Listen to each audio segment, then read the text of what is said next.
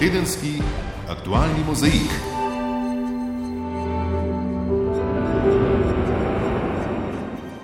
Lepo zdrav vsem, ki ste se nam pridružili v tedenskem aktualnem mozaiku v soboto 13. julija 2019. V tednu, ki se počasi izteka, so nas zaznamovala neurja, tako vremenska kot politična.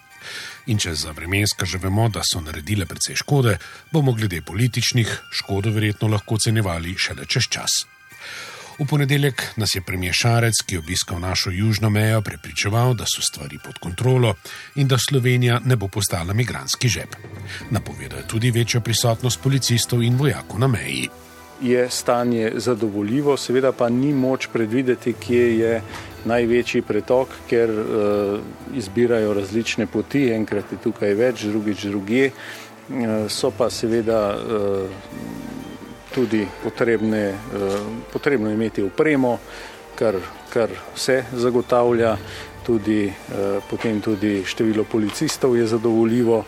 V okviru poslanskih vprašanj je Šarec komentiral tudi namige Italije, da bo v primeru, da mešane patrulje ne bodo uspešne, na meji Slovenijo postavila ograjo. Ta je nepotrebna, pravi, da gre za idejo, ki je v nasprotju z evropskim duhom, pravi tudi kandidatka za predsednico Evropske komisije. Bo pa zato Slovenija sama širila svojo ograjo. Na razpisu za postavitev 40 km nove ograje je bilo izbrano srpsko podjetje, ki bo moralo dnevno postaviti okoli 100 metrov panelov.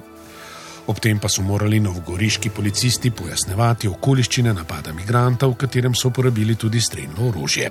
Zakonito, pravi prva policistka Tatjana Bobnar. Policista s svojim ukrepanjem eh, hitro in učinkovito preprečila morebitne nadaljna ogrožanja, onesposobila osumljenca kaznivega dejanja eh, in seveda eh, za vsa zahvala gre pravzaprav policistoma, ki sta s posebnim ukrepanjem preprečila pravzaprav še kakšno hujšo kaznivo dejanje.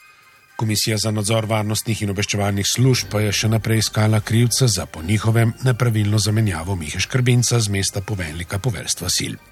Matej Tonin je prepričan, da so vojaški obveščevalci šli v tej zadevi preko svojih pristojnosti. Na podlagi razgovorov, ki smo jih upravili, ni šlo za prostovoljne razgovore in tudi ni šlo za pogovore, ki ne bi motili delovne procese, ampak so zelo motili delovne procese. Torej je šlo v končni fazi za zaslišanja, ki se pa uporabljajo v kazenskem postopku. Za vse pa naj bi bil kriv obramni minister Karl Rjavec, trdi Žan Mahnič.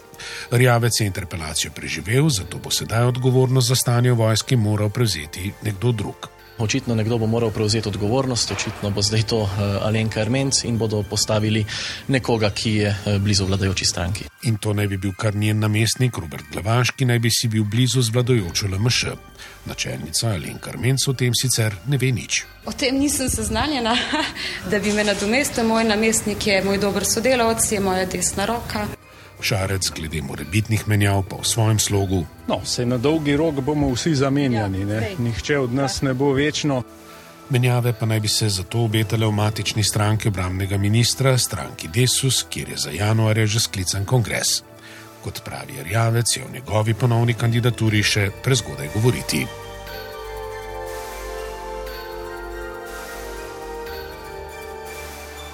Vse do srede pa so se vrstili tudi pozivi k razpravi glede predloga, ki spreminja način financiranja zasebnih osnovnih šol in je naletel na ostro nasprotovanje dela javnosti, ter tudi številne pripombe zakonodajno-pravne službe.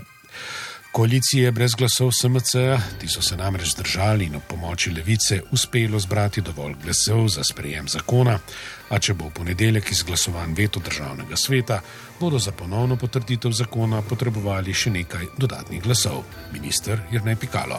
Lejte, če se zgodi veto, se bodo karte uh, na novo premešale in seveda bo treba iskati uh, neko drugo večino. Politika pa še naprej išče poti, kako izpolniti odločbo ustavnega sodišča o tem, kako poskrbeti, da bodo voljivke in voljivci imeli večji vpliv na to, kdo sedi v parlamentu. Kot ugotavlja predsednik države Borod Pahor, potrebne večine nima noben od razmislekov, kako urediti volivni sistem, niti popravki volivnih okrajev, niti njihova ukinitev z dodatnim relativnim prednostnim glasom a z minimalnimi spremembami bodo le skušali doseči, da nad naslednjimi volitvami ne bo vesela senca neustavnosti. Obeh temah podrobneje v nadaljevanju oddaje. Državni svet pa je s svojim predlogom po ustanovitvi preiskovalne komisije v zadevi Kangler posegal v ustavno zagotovljeno delitev oblasti, si enotna koalicija in levica. Zato se jim, tako kot Tini Heferle iz LMŠ, zastavlja vprašanje. Ali v takšni preiskovalni komisiji, ki odkazuje na tako številne kršitve pravne države, sploh želimo sodelovati? Preiskavo pa nasprotno pozdravljajo v SDS, NSI in SNS. V SDS tako verjamejo, da bo ugotovila širše stanje na področju pravosodja. Še pred odreditvijo parlamentarne preiskave pa sta se na potezo državnega sveta odzvala skupina držav za boj proti korupciji, ki je uvedla celo ad hoc preiskavo, ter OECD. Kritično se je do tega opredelila tudi Komisija za preprečevanje korupcije, kjer ocenjujejo, da se zaradi zasledovanja zasebnih interesov določenega državnega svetnika že samo zahtevo, ki jo mora državni zbor spoštovati, posega v neodvisnost in samostojnost sodstva ter toživstva in v njune izključne pristojnosti. Državni zbor sicer ni imel vzvodov, da preiskave ne bi odredil in je bil ob zahtevi sveta to dolžan storiti, a to je le prvi korak, pravi predsednik državnega zbora Dejan Židan. Imenovanje komisije bo v rokah poslancev in večina njih očitno v njej ne bo želela sodelovati. Novi direktor UKC Ljubljana pa je postal Janez Poklukar, ki bo zasedel mesto, ki je ostalo prazno po odhodu Aleša Šabedra na čelo zdravstvenega resorja konec marca. Svet UKC ga je že potrdil, zdaj čaka le še na ministrovo zeleno luč.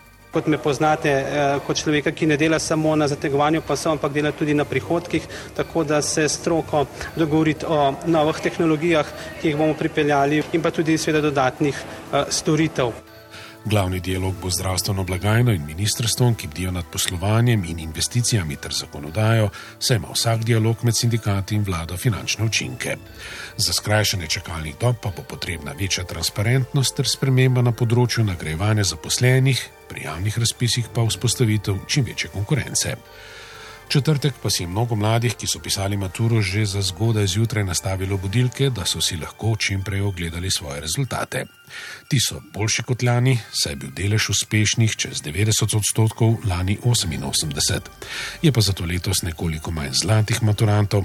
Vsekakor pa smo lahko veliko bolj zadovoljni kot Hrvatje, kjer so imeli letos najslabšo generacijo maturantov. Od zunanje političnih tem pomenimo, da se tedni v Sloveniji mudil palestinski zunani minister, Združene države pa so v okviru ameriškega programa nagrad o narkotikih za informacije, ki bi privedle do aretacije ali obsodbe za domnevne slovenske trgovce z drogami Mihaela Alenko in Matevža Karnerja, razpisale nagrado v višini 5 milijonov ameriških dolarjev oziroma 4,5 milijonov evrov za vsakega. Na sodišču EU v Luksemburgu pa je ta teden potekala obravnava glede dopustnosti slovenske tožbe proti Hrvaški zaradi kršenja evropskega pravnega reda kot posledice neizvajanja arbitražne razsodbe. Obravnava naj bi potekala po pričakovanjih, občutki naše strani pa so pozitivni. Odločitev o tem, ali sodišče sploh pristojno, pa se pričakuje v začetku prihodnega leta. Več o tem v nadaljevanju oddaje. Francoski parlament pa je dokončno potrdil zakonodajo za obdavčitev tehnoloških velikanov, kot sta Google in Facebook, ZDA pa so še pred sprejetjem kritizirali francoski ukrep in sprožile preiskavo. A hkrati so ameriški regulatori zaradi kršene pravic do zasebnosti potrdili 5 milijard dolarjev kazni za Facebook. Kazan mora še potrditi pravosodno ministrstvo Združenih držav, zanimivo pa je, da podjetju nad višino kazni naj ne bi bili presenečeni. Medtem pa se v luči ustoličevanj evropskih položajev stopnjuje negotovost glede Brexita. O tem, kot tudi o drugih velikih zgodbah tega tedna, nekaj smo jih omenili že v vodu, pa v tedenskem aktualnem mozaiku že čez nekaj trenutkov. Tedenski aktualni mozaik. Vladna novela zakona o organizaciji in financiranju vzgoje in izobraževanja, ki spreminja financiranje javno veljavnih programov zasebnih devetletk in zaostruje pogoje za njihovo ustanavljanje, je ta teden uspešno končala parlamentarno branje. To pa še ne pomeni, da bo zaživelo v praksi. Že v ponedeljek bodo v njej glasovali državni svetniki, ustavijo torej lahko veto državnega sveta in nezmožnost koalicije zbrati 46 glasov za njeno novično potrditev v državnem zboru, pa tudi ustavno sodišče. Več Nataša Lang. Dva protesta staršev otrok iz zasebnih devetletk pred poslopjem državnega zbora, negativni mnenji vladne in državno-zborske službe za zakonodajo o novem načinu financiranja javno veljavnih programov zasebnih devetletk, pa številna opozorila drugih pravnikov, da vladna rešitev ne sledi odločbi ustavnega sodišča, niso ustavili 42 poslancev LMŠ-ja, SD-ja, Desusa in Saba ter Levice. Glasovali so za novelo zakona o organizaciji organizaciji in financiranju vzgoje in izobraževanja. Ta določa, da bo država v celoti financirala obvezni puk generacijam otrok, ki bodo od jeseni 2020 vstopile v prvi razred zasebne devetletke in nič več razširjenega programa, torej jutranjega varstva, podaljšanega bivanja, učne pomoči za učence. Zdaj oba dela programa država sofinancira v višini 85 odstotkov javne šole. Zasebne šole so izračunale, da jim bo nova formula 100 proti nič prinesla petino manj denarja iz državne blagajne, kar pomeni, da bodo starši morali plačevati višjo šolnino. Prepričani so, da ta rešitev ne sledi odločbi ustavnega sodišča izpred štirih let in pol. Nasprotno menijo štiri vladne stranke in levica. Ti so potisnili razopito financiranje programov zasebnih devetletk čez zadnje branje državnega zbora. Šolski minister Jrnej Pikalo je bil po glasovanju zadržan. Ne gre za to, da ali sem zadovoljen ali ne.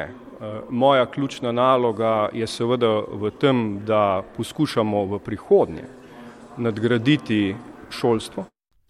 Poslanka vladnega saba Maša Kocipr. Meni se zdi najbolj prav, da ta vozel presekamo. Kot vidimo, pet let ga parlament ni bil sposoben presekati in dobiti nek kompromis.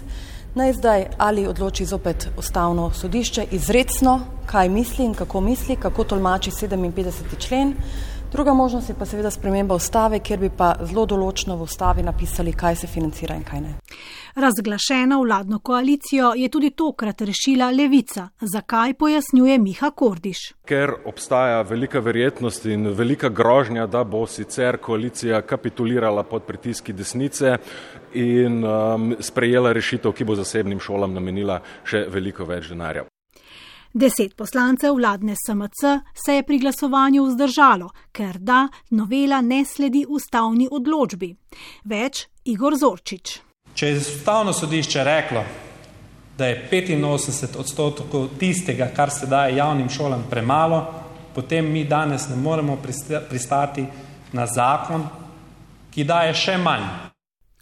Če bi poslanci SMC glasovali proti noveli, bi ta končala svoj parlamentarni postopek ta teden.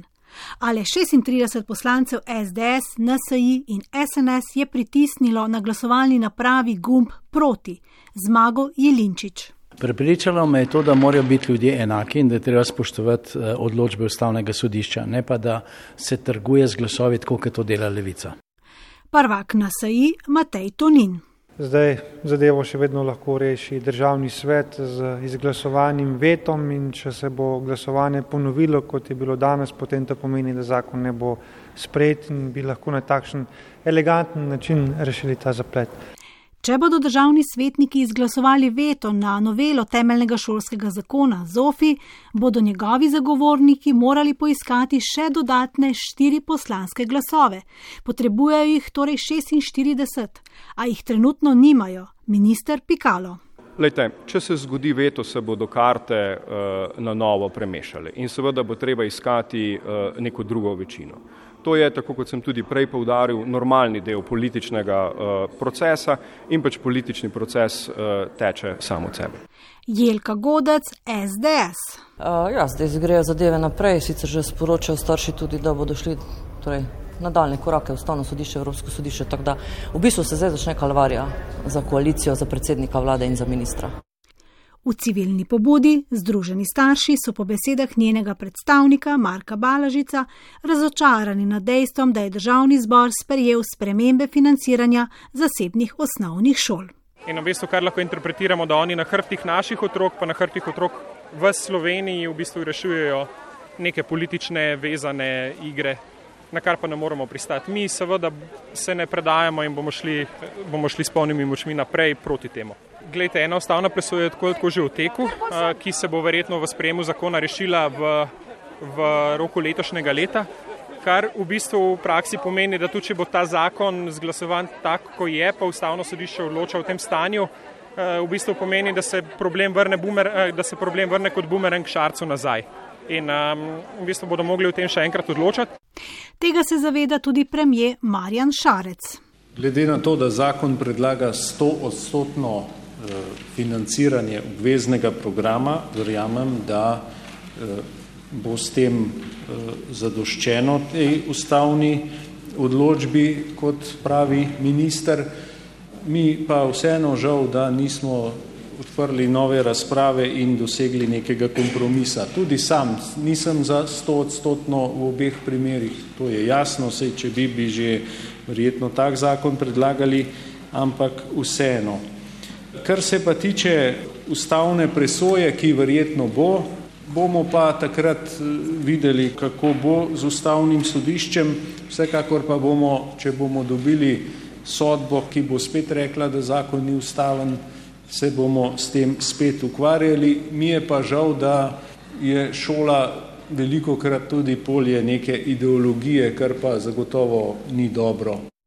Pod črto še bo preteklo veliko vode, preden bo politika to temo pospravila z mize. Včeraj je tudi uradno postalo znano, da se upokojitveni pogoji z novim letom ne bodo spreminjali. Predlog ministrstva, da bi bilo treba, če nimate dopolnjenih 40 let pokojninske dobe, delati do 67. leta, ni več aktualen. Socialnim partnerjem se prav tako ni uspelo dogovoriti glede dvojnega statusa, uskladili so se le glede višjega odmernega odstotka. Ta se bo za moške v prihodnjem šestletnem obdobju postopno zvišal na 63,5 odstotka. A te spremembe so daleč od nujno potrebne pokojninske reforme. Urška Valjavec.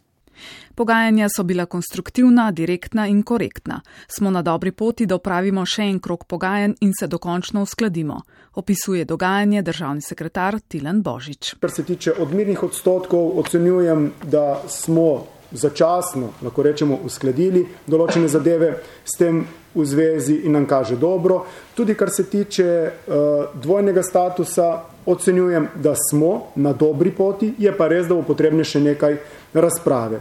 Da bo ta razprava dokaj naporna, je mogoče sklepati, ko poslušamo stališče predstavnikov obrtne zbornice, predsednikov ZS Branko Meh.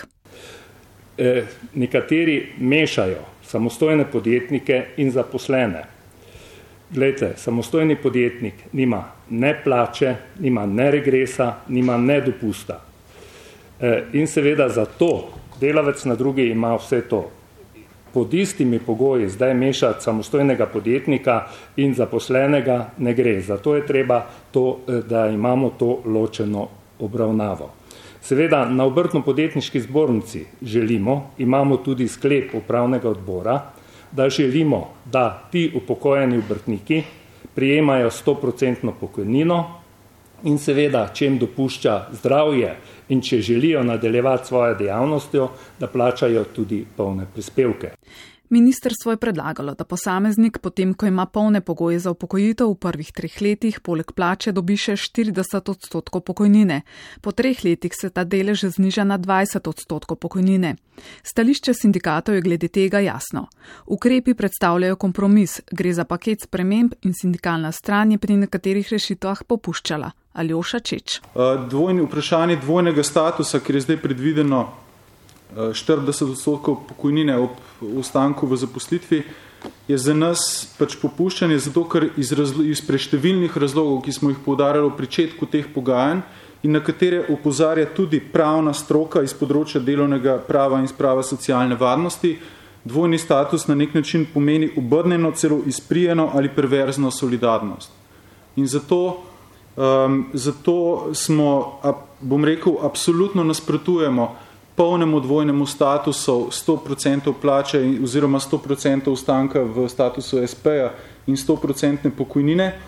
In nekako tudi ne moremo razumeti nekaterih naših kolegov, ki znajo zagovarjati v svojih stališčih samo, bom rekel, starejši del populacije, ki se bliža v pokojitvi in bi želel nekaj prejemati, prezrejo pa to, da, bo, da bi te iste osebe z prejemki, ki bi jih imeli iz naslova pokojninskega zavarovanja, predstavljali hudo nelojalno konkurenco na trgu dela svojim mlajšim kolegom, ker bi lahko ponujali nižjo ceno storitve in odžirali kruh mlajšim. To, da ali bodo opisane spremembe zadostovale za dolgoročno vzdržnost pokojninske blagajne? Ne. Kot slišano, ključna sprememba, ki bi vplivala na vzdržnost pokojninske blagajne, to je zvišanje starostne meje na 67 let za tiste, ki niso dopolnili 40 let pokojninske dobe, ni bila sprejeta. Je bil pa na drugi strani sprejet predlog o zvišanju odmernega odstotka, ki bo povečal izdatke pokojninskega zavoda. Kar se tiče trenutne vzdržnosti pokojninske blagajne, lahko rečemo, da so podatki relativno ugodni. Problemi se nakazujejo v prihodnosti, ko se bo delež starejših prebivalcev povečal. Slovenija je uvrščena med deset najstarejših držav v celotnem svetu. Takrat je pričakovati zvišanje deleža iz sedanjih dobrih devetih na več kot 15 odstotkov BDP-ja za pokojnine. To pa že lahko predstavlja določen problem financiranja pokojnin.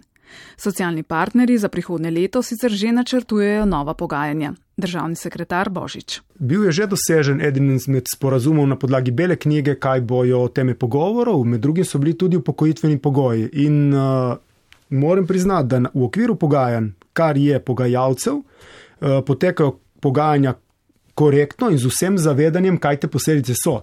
Tako da tudi tam so seveda na mestu in postavljena vprašanja, kaj bo z javno finančno vzdržnostjo, kaj to pomeni za katero izmed ciljnih skupin, za se pravi posamezne odnosi med družbo, se pravi eh, tudi z vidika starostnih skupin, ne samo nekih zavarovalnih podlag in tako naprej. Tako da eh, Moram reči, da tukaj ne bi ocenil, da ni zavedanja uh, o resnosti položaja ali pa posledic, ki jih kakršne koli spremembe v zvezi s pokojninskim sistemom, ki je kot rečeno zelo kompleksen, prinašajo. Sicer pa bo zdajšnji predlog pokojninske zakonodaje čez poletje v javni obravnavi. Jeseni sledi še en krok pogajanj in na to predvidoma sprejem zakona s 1. januarjem 2020. Evropska komisija je ena od redkih ustanov, ki poleg dveh osnovnih napovedi o gospodarskih gibanjih pripravi tudi umestne ocene. Za Unijo in evroobmočje letos ohranja oceno 1,4 oziroma 1,2 odstotno rast, prihodne leto pa v evroobmočju pričakujejo 1,4, v Uniji pa 1,6 odstotno. Napovedi za Slovenijo je rahlo izboljšanje za letos na 3,2 in prihodnje leto na 2,8. Tudi jeseni, ko bodo vrednotili tudi vsa negativna tveganja, se napovedi za prihodnje leto spreminjajo navzdol. Zdenka Bakalar. Majhen popravek za desetinko odstotne točke na 3,2 res ni pomembna razlika v napovedi o gibanjih v Sloveniji, poudari glavni analitik na gospodarski zbornici Bojan Ivanc. Pomembno je, da so prispevki krasti enaki kot doslej. A, tako, torej napoved je dejansko pokazala nekako pričakovan izplen, tako da za Slovenijo ni bilo presenečen, tudi za Italijo je zanimivo, da so tudi celo Italiji napovedali simbolično rast po mojem predvsem zaradi tega razloga, da ne bi zbujali neke panike, da morda kakšna država stopa v recesijo. Če se pa vrnemo zopet na Slovenijo, torej predvsem domače potrošnje gospodinstvo in investicije ne bi bila generatorja gospodarske rasti, vsaj kar se tiče izvoza, je videti, da v bistvu uvoz blaga prehiteva izvoz, predvsem zaradi tega, ker se pač več blaga uvozi za namen potrošnje in investicij. In ker se plače zvišujejo, več je uvoza, višja aktivnost, je nekaj više tudi napoved o pričakovani inflaciji. Pri nas letos 1,7, prihodnje leto pa 2 odstotka, v evroobmočju pa 1,3 odstotka za obe leti. In zakaj razlika? Predvsem zaradi hitrejšega rasti cen storitev torej v bistvu nasplošno pa ne bi cene pri nas v letošnjem letu porasle za okoli 0,4 odstotne točke hitreje kot v območju evra. Predvsem je pa v bistvu tudi ta napoved nekoliko nižja od tiste spomladanske, kajti vse je nekako presenetila relativno nizka, nizke cene nafte, ki torej v pozitivno potem vpliva na nekoliko nižjo rast končnih cen. Vendar je hkrati z napovedjo Evropske komisije statistika objavila zelo spodbudne tekoče podatke o izvozu. Ta je v petih mesecih medletno kar za 10 odstotkov višji. Zakaj ta podatek striže, nekako ne gre skupaj z napovedmi o umiritvi gospodarske rasti? Na prvi pogled ne grejo, vendar če zadeve podrobno analiziramo, seveda grejo povsem, povsem skladno s temi napovedmi. Torej, če pogledamo nekoliko bolj podrobno rast uvoza in izvoza, vidimo, da zelo veliko blaga prečka zgolj Slovenijo in torej ne, ne v bistvu se ne proizvede v Sloveniji. Torej govorimo o farmacevskih izdelkih, govorimo o naftnih derivatih. Eh, velik del teh dveh skupin je bilo proizvedeno v tujini, kar se vidi v bistvu iz podatkov pri uvozu in potem to blago zgolj prečka Slovenijo. Z drugimi besedami, več kot polovica rasti izvoza lahko pripišemo torej temu blagu, ki je bilo proizvedeno v tujini in je zgolj prečkalo meje Slovenije. To pomeni, da je v bistvu očiščena nekako realna rast izvoza, torej tistega blaga, ki je nastala v Sloveniji, je v bistvu okoli 4 do 5 odstotkov nominalno oziroma realno za okoli 3 odstotke, nikakor pa ne za 10 oziroma 11 odstotkov, kot kažejo podatki. In to potrjujejo tudi podatki o predelovalnih dejavnostih. Ta se je medletno povečala za dobre 4 odstotke, vendar je pomembno, da je izrazito napredovala izdelava visokotehnoloških proizvodov. Analitiki v drugi polovici pričakujejo umiritev zaradi negativnih tveganj, ki se kar kupičijo in krepijo, vendar za zdaj še niso imeli posebnih negativnih učinkov. Torej moramo vedeti, da v bistvu naše podjetja so predvsem močneje prisotna na sredini vrednostne verige in jih mogoče, um, kako bi rekel, te trgovinske vojne še niso tako prizadele.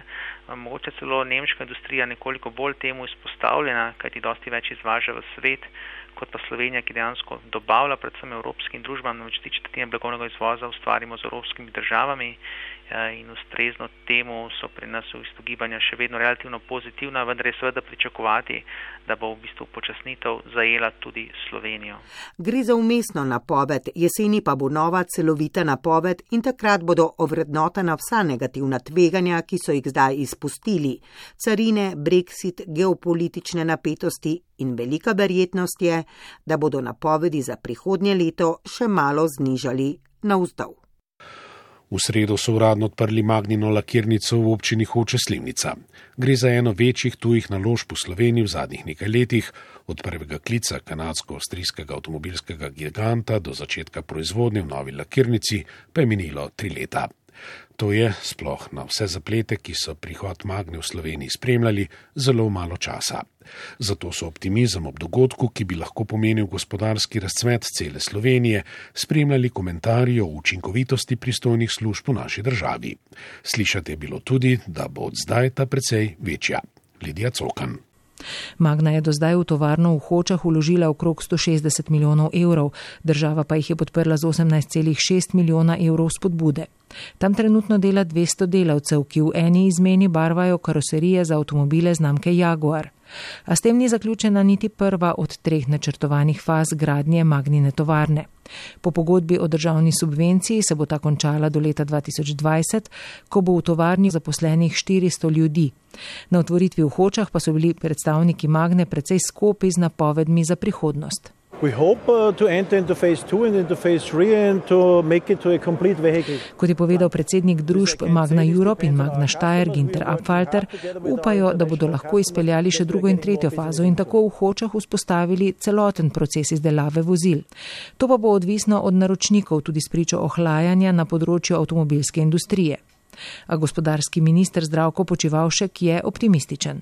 Za mene je glavni dokaz, da naši partnerji mislijo resno to, da so že vložili vlogo za okoljevarstveno soglasje za drugo in za tretjo fazo. Če se prav spomnim, v drugi fazi želijo narediti karosirnico, v tretji pa potem končno montažo. Treba povedati tudi to, ne, da nima dolgoročno, pa tudi srednjeročno dobenega smisla imeti na eni lokaciji lakirnico brez končne proizvodnje in to bi rekel je še največja garancija za to, da se bojo zadeve v investicijskem smislu odvijale naprej, ampak mislim, da je tam pri končni proizvodnji napisana številka 3000 zaposlenih. Pri tem pa počivalšek meni, da nasprotovanja okoljevarstvenikov magninih načrtov ne morejo prekrižati. Mi smo do zdaj vse naredili po zakonu in tudi v bodoče bomo delali vse po zakonu in to bomo na trdo morali mi spoštovati, pa tudi okoljevarstveniki, se pravi, da v dobenem primeru ne gre za ničesar, kar bi bilo nasprotjo zakonu, ne glede na to, da se o tem veliko natocuje. Z ministrom pa so optimizem, predvsem glede vpliva Magne na slovensko gospodarstvo, delili tudi drugi. Predsednik gospodarske zbornice Slovenije Boštjan Gorjub. Podobno kot je Revos v Novem mestu z leti zgradil mnogo slovenskih dobaviteljev, pričakujemo, da bo tudi Magna izkoristila danost eh, veliko slovenskih podjetij, ki že danes delajo v avtomobilski industriji in je odprla vrata ne samo te tovarne, ampak tudi vseh ostalih tovarn v sistemu. Gre za to, da kolikor si dokazan, da si dober dobavitelj, potem se ti tudi priložnosti odpirajo in v tem vidim eh, poleg seveda teh delovnih mest tukaj eh, priložnost za slovensko gospodarstvo. Tudi vsi napori, ki jih je vlada vložila v to, da magni pot do obrata pri nas kar se da olajša, kaže na to, kako veseli smo te investicije. Pa ne le te, predsednik vlade Marjan Šarec. Predvsem pa si želimo investicij, ki imajo višjo dodano vrednost in ki sledijo sodobnim trendom. Kajti le z uspešnim gospodarstvom potem bo dovolj denarja tudi za vse ostalo. In ob tem opozorilo gospodarstvenikov Boštjan Gorjub. Tukaj moramo v Sloveniji narediti domačo nalogo, da bomo znali bolje speljati te postopke, kajti verjetno ni veliko slovenskih ali pa tujih investitorjev, ki bi tudi v prihodnosti tako dolgo čakali na dovoljenja, kot, kot se nam to dogaja danes. A minister Počivalšek zagotavlja. Smo se na primeru Magne veliko naučili. In mi želimo, da se praksa hitrosti reagiranja državnih organov prenese na vse investicijske procese. Temu pa bo po že spremenjeni gradbeni zakonodaji morala slediti sprememba še kakšnega zakona, je še bilo mogoče slišati na odprtju magnine tovarne v Hočah. Tedenski aktualni mozaik. Iskanje poti, kako izpolniti odločbo stavnega sodišča o tem, kako poskrbeti, da bodo voljivke in voljivci imeli večji vpliv na to, kdo sedi v parlamentu, bo politika nadaljevala jeseni. Včerajšnje srečanje predsednikov strank in vodi poslanskih skupin pri predsedniku države je namreč pokazalo, da potrebne večine nima noben od razmislekov, kako urediti volivni sistem, niti popravki volivnih okrajev, niti njihova ukinitev z dodatnim relativnim prednostnim glasom. Nekaj dogovorov, ki kažejo, da bo politika le poskrbela, da nad naslednjimi volitvami ne bo visela senca neustavnosti, pa so le dosegli. Tomaš Celestina. Pogovori o spreminjanju volilnega sistema namenjeni izvršitvi odločbe ustavnega sodišča, za kar ima državni zbor na voljo čas do konca decembra prihodnje leto, so precej velik zasuk doživeli med zadnjim srečanjem pred mesecem dni in tem včeraj. Če je sredi junija še kazalo, da se nabira potrebna podpora za ukinitev okrajev in uvedbo relativnega prednostnega glasu, so vmes nekateri ustavni pravniki predsedniku države povedali, da takšna uroditev ne bi prestala morebitne vnovične ustavne presoje, da bi potrebovali absolutni prednostni glas, tega pa od vseh strank podpira samo ena. Pozorno se je zato znova preusmerila na novo izrisovanje okrajev, s čimer bi vsaj formalno tudi uresničili odločbo ustavnih sodnikov. In tako sta danes na mizi ostala dva predloga, in kateri naj bi nadaljeval pot predsednik države Borod Pahor. Danes so vsi dopustili možnost, da bo pač to tisti predlog, ki bo prvi zbral potrebno število glasov. Za spremembo meja volilnih okrajev, to je tista sprememba, ki nam je naložilo ustavno sodišče, je potrebnih 46 glasov. Za ukinitev uh, volilnih okrajev in uvedbo relativnega preferenčnega glasu, kar je druga možnost, pa je potrebnih 60 uh, poslank in poslancev državnega zbora ali več. Kot rečeno, v zadnjem mesecu veliko krat omenjeno ukinanje okrajev, pospremljeno s prednostnim glasom, kar pomeni, da bi dobili sistem, ki bi bil podoben volitvam v Evropski parlament, nekaterih ustavnih pravnikov ni prepričal pravi predsednik države. Skupina pravnikov, vsaj teh, ki smo jih doslej povprašali, zdaj bomo ta krok še razširili, meni, da, da nimam prav, oziroma da tisti, ki tako razmišljamo, nimamo prav. Eh, izredno pravijo, pa tudi nekje v, in se sklicujejo pri tem na dikcijo odločbe ustavnega sodišča, eh, da ustavno sodišče eh, meni, da je tak sistem personalizacije volitev čisto v redu. Vendar je narobe, da so volilni okraji različno veliki. Pogovor o dilemah, ki jih je treba razrešiti, bodo pogajalci nadaljevali septembra. Se bomo sestali na novem krogu pogajanj na ravni pogajalcev, ki so jih določile parlamentarne stranke in poslanske skupine, kjer se bomo v celoti, tako kot smo se zadnjič preferenčnemu glasu, tokrat posvetili spremembi eh, meja volilnih okrajev. Ministrstvo za javno upravo je namreč obljubilo, da bo predlog na novo izrisanih okrajev na voljo še pred koncem parlamentarnih počitnic, zato bo možna razprava na osnovi povsem konkretnih predlogov. Kot je zadnje dni večkrat ponovil predsednik države, pa je pri teh okrajih treba biti previden, saj lahko posežejo dolgoletno strankarsko dobro umirjeno matematiko, zato so lahko stališča posameznih poslancev tudi drugačna od zagotovil njihovih predsednikov. In opozorilo, ki mu je vsekakor uredno prisluhniti. Menim, da bi bilo dobro, če odpravimo najprej in predvsem nevarnost, da bi prišlo do situacije, v kateri noben predlog ne bi dobil eh, podpore in bi ostalo pri stari volilni zakonodaji in bi to postavilo vprašanje legitimnosti, legalnosti naslednjih volitev. To se nam ne sme zgoditi, zato so danes ti dogovori, ki sem jih prej povedal, eh, kar se mene tiče in moje ocene, precejšen korak naprej. Časovni potek, ki se je izrisal na današnjem srečanju, je naslednji. Pred koncem parlamentarnih počitnic že omenjeni predlog na novo določenih okrajev, septembra nov krok pogovorov in proti koncu septembra, to je zlasti predsednikovo upanje, naj bi v parlament romal tisti predlog, ki bi zbral potrebno podporo. Pred sodiščem Evropske unije je v ponedeljek potekala ustna obravnava v zvezi s slovensko tožbo proti Hrvaški zaradi neizpolnjevanja arbitražne razsodbe. Obravnava je potekala manj kot mesec dni po ustni obravnavi pred Evropskim sodiščem za človekove pravice v zvezi s slovensko tožbo proti Hrvaški zaradi terjate Ljubljanske banke. Pri obeh tožbah se morata sodišči še odločiti, ali sta sploh pristojni za obravnavo. Več pa Špena Novak. Pri nobenem izmed obeh najbolj žgočih vprašanj v odnosih med Slovenijo in Hrvaško diplomacija ni prinesla rešitve. Slovenija pa v obeh primerjih zdaj izhod išče pred sodiščem. Gre sicer za dva različna primera in tudi za dve različni sodišči, a v obeh gre za dolgoletni spor med istima državama in v obeh mora sodišče še odločiti o dopustnosti tožbe. Kar zadeva terjatve in obveznosti Ljubljanske banke Zagreb, naj bi se to vprašanje v skladu s sporazumom o nasledstvu reševalo s posebnimi pogajanji pod okriljem banke za mednarodne poravnave, vendar ta pogajanja niso bila uspešna oziroma jih niti ni bilo. Glede prenesenih vlog, to je vlog, za katere so bili hrvaški vrčevalci poplačani iz sredstev hrvaške države, sta državi podpisali poseben memorandum, ki pa ga hrvaška stran ni spoštovala in je nadaljevala sodne postopke. Glede neizplačanih vrčevalcev je odločilo Evropsko sodišče za človekove pravice in Slovenija je svoje obveznosti izpolnila. Vprašanje terjatev Ljubljanske banke do hrvaških podjetij pa je ostalo nerešeno. Hrvaška izvršna veja oblasti je celo aktivno posegala v sodstvo in s tem preprečevala izplačilo teh terjatev.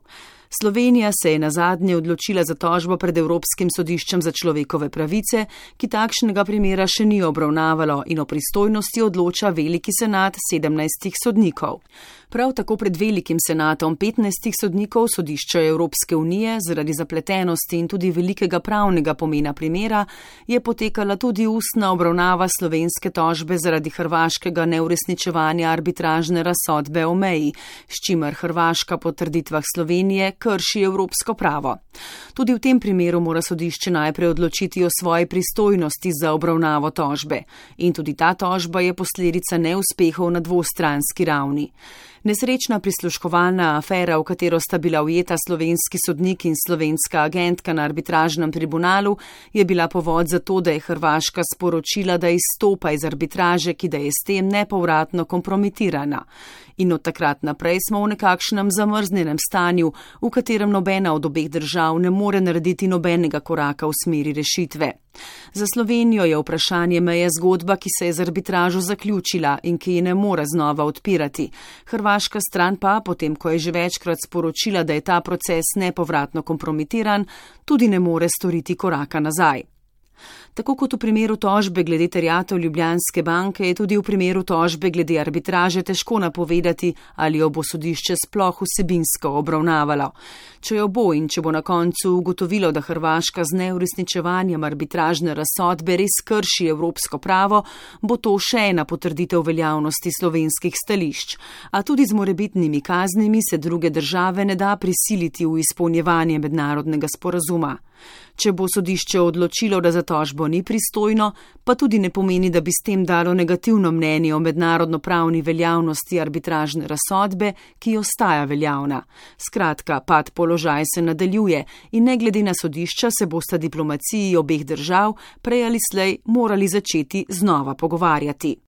Poslanci Evropskega parlamenta tri dni pred glasovanjem o naslednici Jean-Claude Junckerja na čelo Evropske komisije še naprej ustvarjajo tis negotovosti glede podpore Ursuli von der Leyen.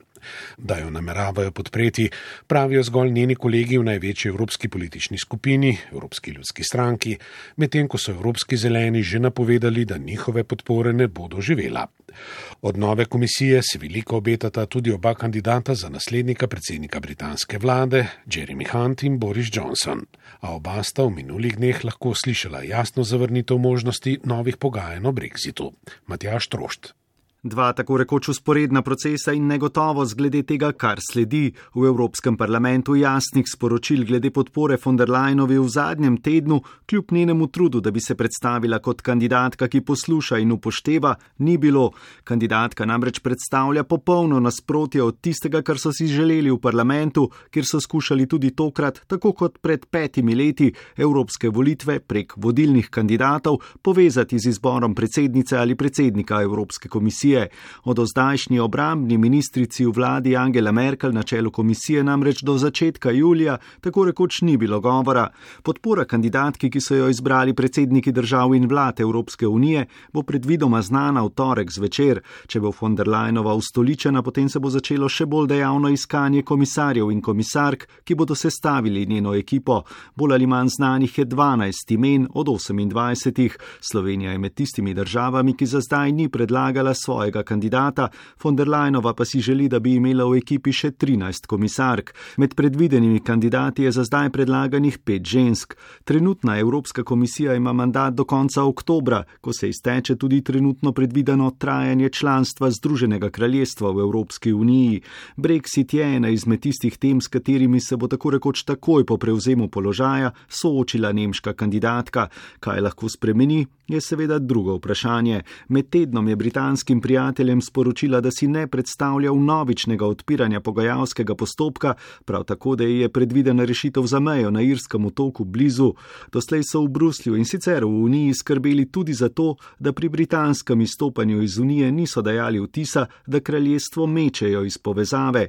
Tudi favorit politične tekme na otoku Boris Johnson igra na to karto, ko pravi, da bi bilo nespametno, če bi evropski prijatelji čez noč uvedli carine v trgovanju z otokom, če se 1. novembra Britanci zbudijo zunaj Evropske unije brez kakršnega koli dogovora. A Boris Johnson je mojster zavajanja in okolišanja, na kar je med tednom pokazalo televizijsko soočanje z drugim kandidatom, zdajšnjim zunanjim ministrom Jeremyjem Huntom, diplomatom, ki je denimo Slovenijo označil za uspešno naslednico sovjetske vazalne države ter skušal primerjati prijeme Sovjetske zveze s pravilniki Evropske unije.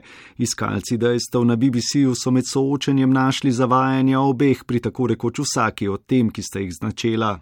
I don't believe that would be the case because if you look, well, this is why people don't really trust you on this. Konec tedna sta oba gostovala na BBC-u. Hunt je izrazil mnenje, da bi Britanci lahko dosegli nov dogovor proti koncu oktobra, čemur pa je dodal, da ne ve, kaj bo na to storil parlament. Hunt je trikrat glasoval za dogovor, ki ga je konec lanskega leta sklenila Theresa May.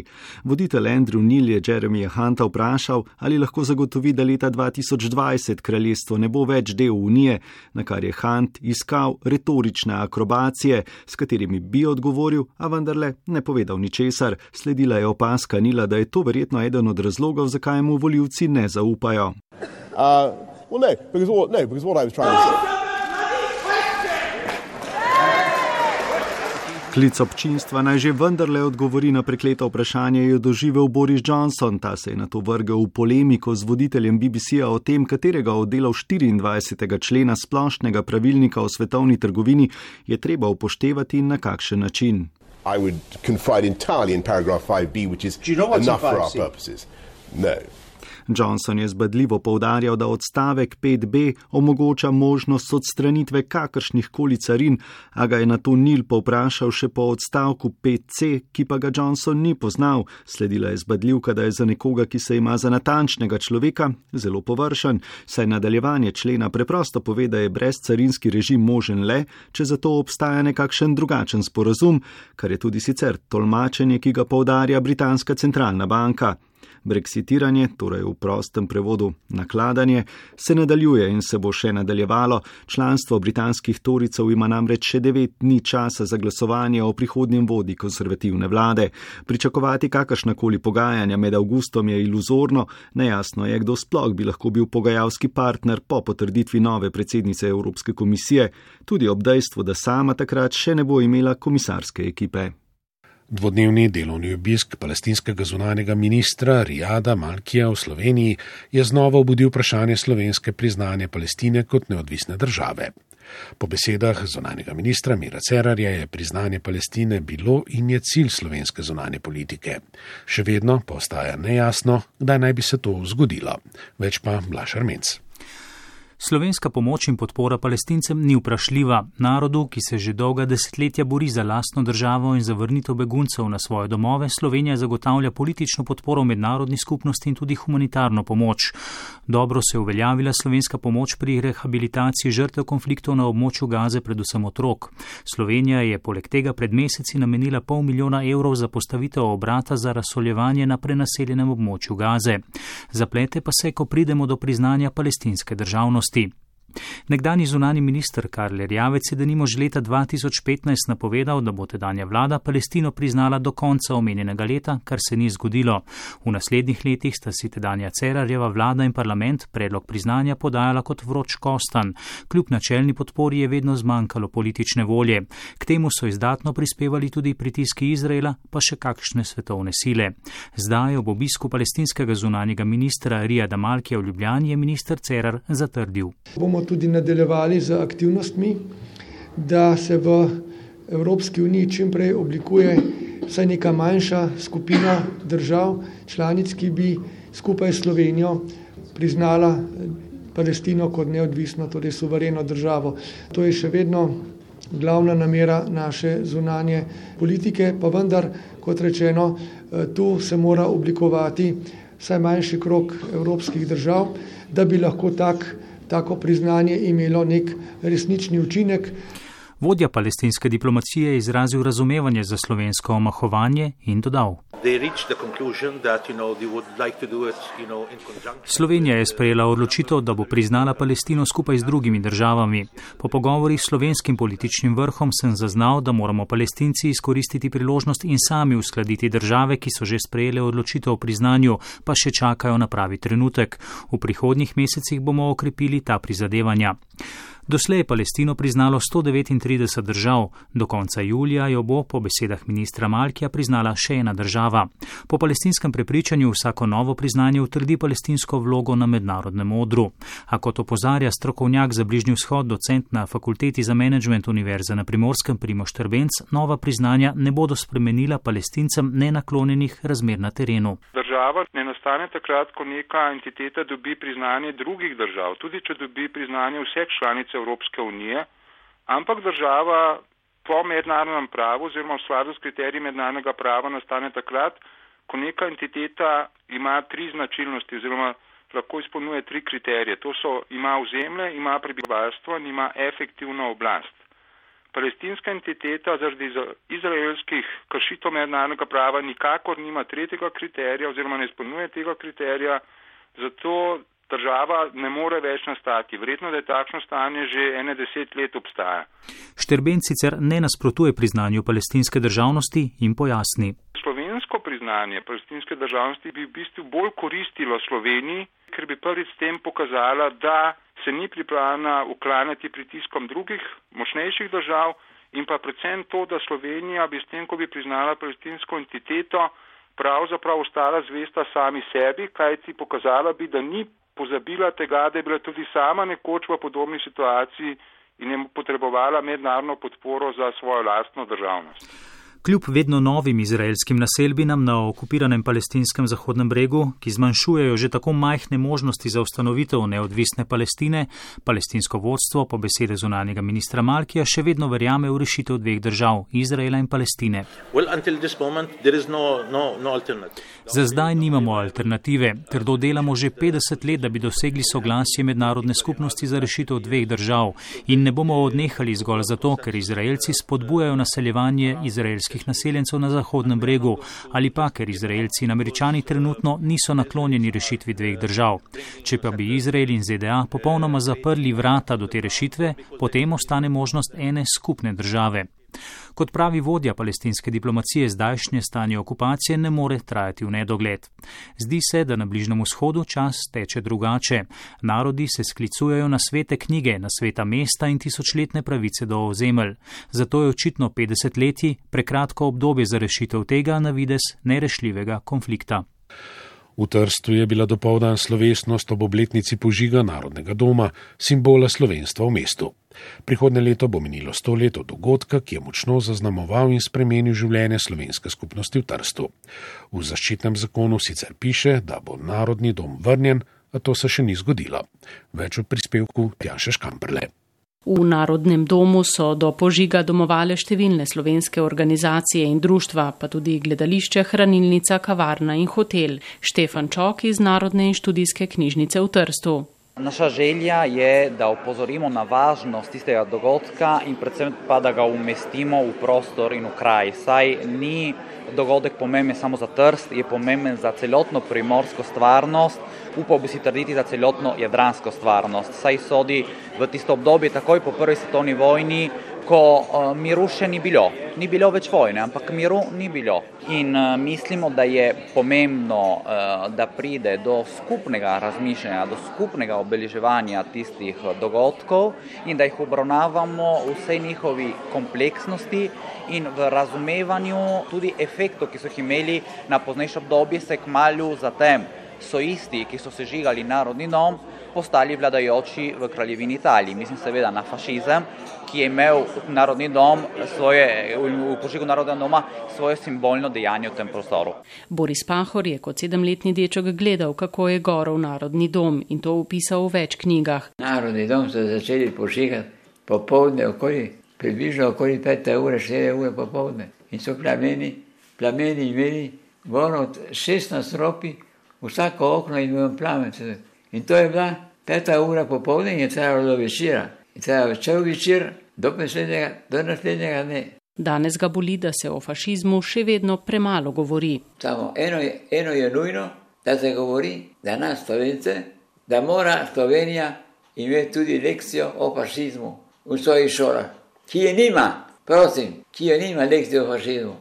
Vrnitev Narodnega doma v celoti se še ni zgodila, iz njega bi se morala izseliti fakulteta za prevajalce, konzulka v Trstu Tanja Mljač. Želje so, nameni tudi in uh, upajmo, da bo res do tega nekega dne prišlo. Ne bo pa to hitro, ker je to velik zalogaj tako za slovensko manjšino. Eh, kot tudi verjetno za univerzo. Univerza se mora preseliti, je en kupenih tehničnih zadev. Eh, važno pa je, da obstaja politična volja in eh, gremo proti temu, da se, da se ta simbolični kraj vrne slovenski manjšini. In kakšne so želje, kaj bi lahko v Narodnem domu bilo čez denimo deset let? Igor Gabrovec, tajnik slovenske skupnosti. Jaz upam, da bo sedež eh, številnih eh, slovenskih in neslovenskih organizacij, da bo lahko odigraval vlogo, ki jo je odigraval pred stoletji. Se pravi, nek svetilnik eh, za Evropo, nek prostor združevanja, srečevanja, povezovanja in tudi grajenja skupne bodočnosti. Krovni organizaciji sta se obeleževanja lotili skupaj in današnja slovesnost je generalka pred stoto obletnico požiga prihodnje leto. Walter Band Mandel, SSO in Ksenja Dobrila, SKGZ. Mi moramo pripovedovati stanje, pripovedovati, kako je bila zgodovina v italijanskem inštituciji, v italijanskih okolju. In zaradi tega jaz mislim, da ta, to sodelovanje in hvala tudi slovenski skupnosti, da takrat je obeležila in danes, da smo vzeli to v rokah, dve krovni in da predstavljava vso to, to zadevo. Mislim, da je en prvič enkratna in drugič je gotovo, da dospemo do tistega vrnitve, tako kot piše v zakonu. in da bi dali tudi neko sporočilo upanja, da bo ta dom kratkoročno spet prešel v roke slovencev in zaživel v takem duhu, kot so ga si zamislili naši predniki. Za uresničitev te želje je potreben še marsikateri korak. Tedenski aktualni mozaik.